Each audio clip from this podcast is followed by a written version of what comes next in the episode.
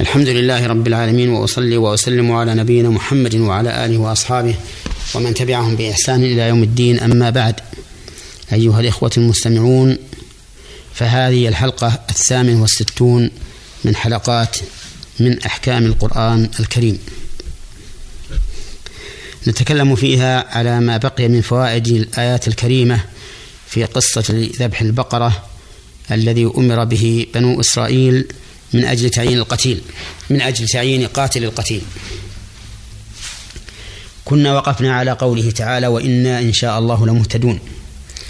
واستعرضنا عند ذكر الفائدة المستنبطة من هذه الجملة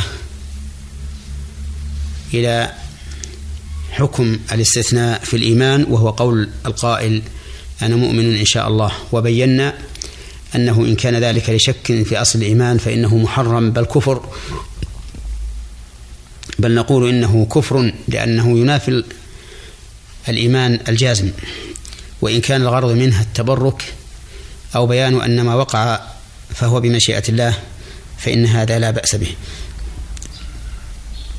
ولنمضي قدما في بيان فوائد هذه الآيات الكريمة التي جاءت في قصة ذبح البقرة لتعيين قاتل القتيل.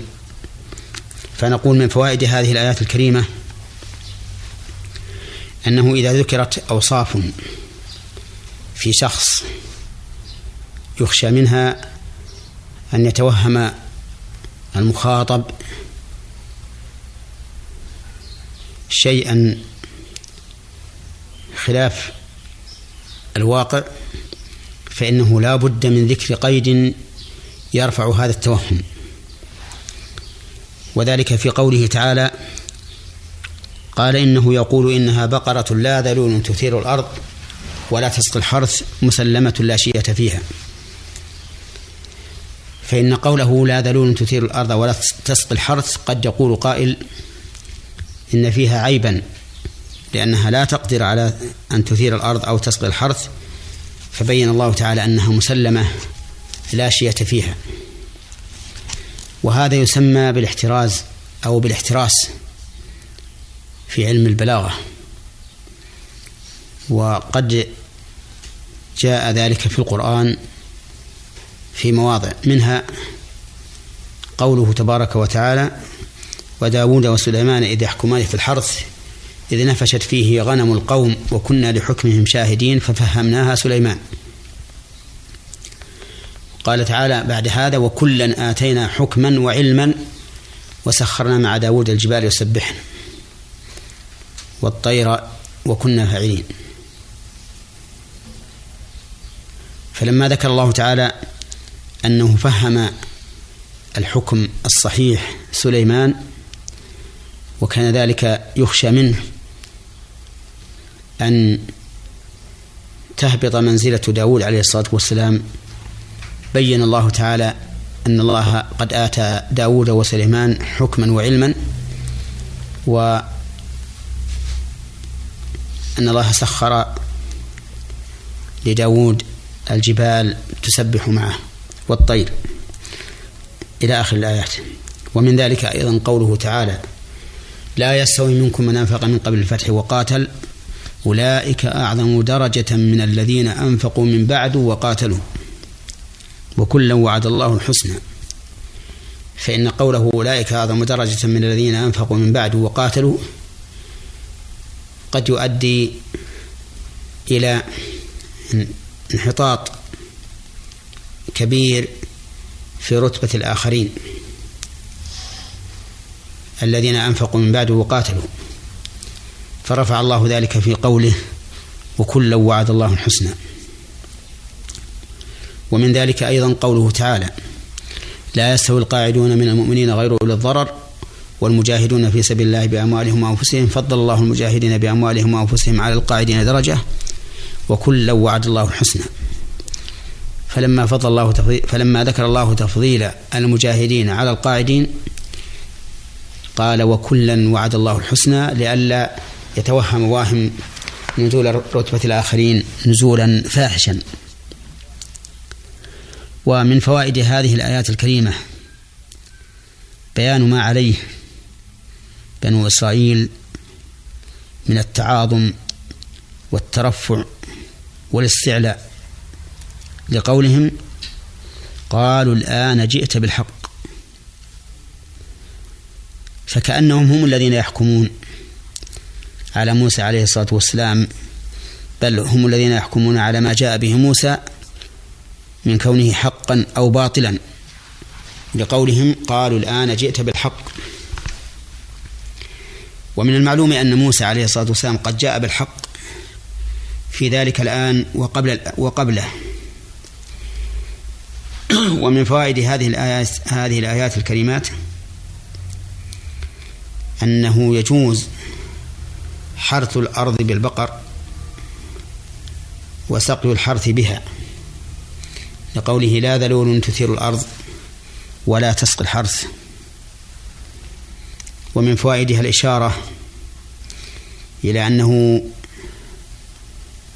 ينبغي أن لا نستعمل في الحرث وسقي في حرث الأرض وسقي الزرع إلا ما كان ذلولا طيعا. وذلك لأن الشموس أو الصعب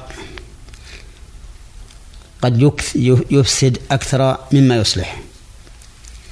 ويمكن أن نفرع على هذه الفائدة فائدة أخرى وهي أن لا نستعمل في الأشياء أن لا, نستعمل من الأشياء إلا ما دلت التجارب على أنه صالح فيها. حتى لا نقع في الخطأ والزلل. ومن فوائد هذه الآيات الكريمة أن بني إسرائيل حين امتثلوا ما أمرهم موسى عليه الصلاة والسلام بذبح البقرة مع التشدد والتعنت والاستفصال لم يذبحوها بانقياد بانقياد تام وتنفيذ فوري وإنما ذبحوها وما كادوا يفعلون. أي ما قاربوا الفعل لكونهم آه، متصفين بالعلو والاستكبار.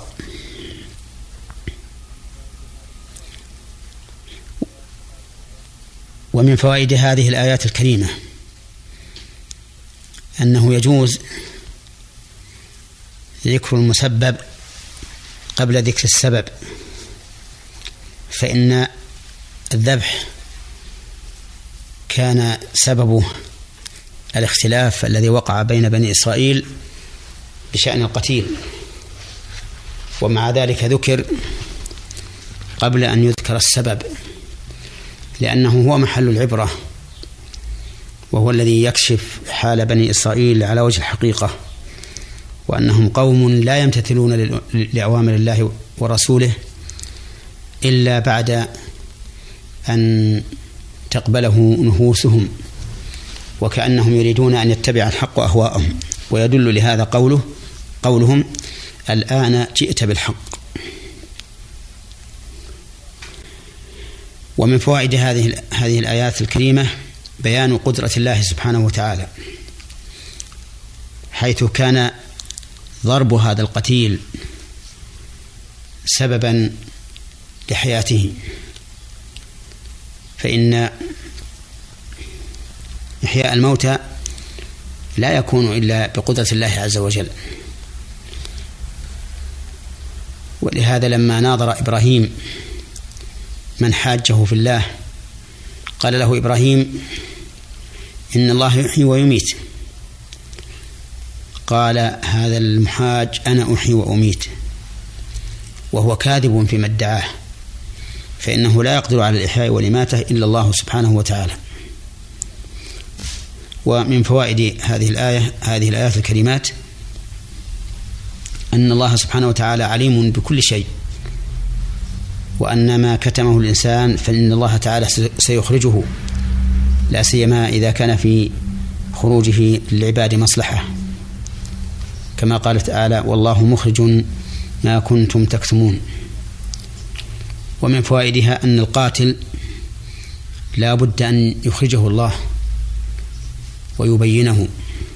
كما قال تعالى ومن قتل مظلوما فقد جعلنا لوليه سلطانا فلا يسرف في القتل.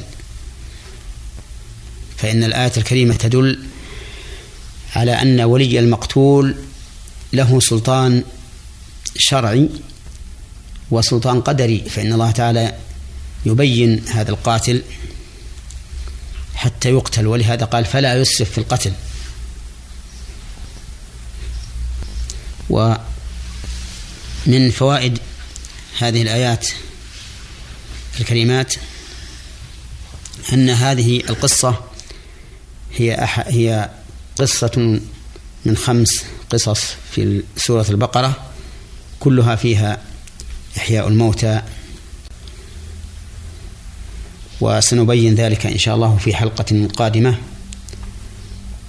والسلام عليكم ورحمة الله وبركاته.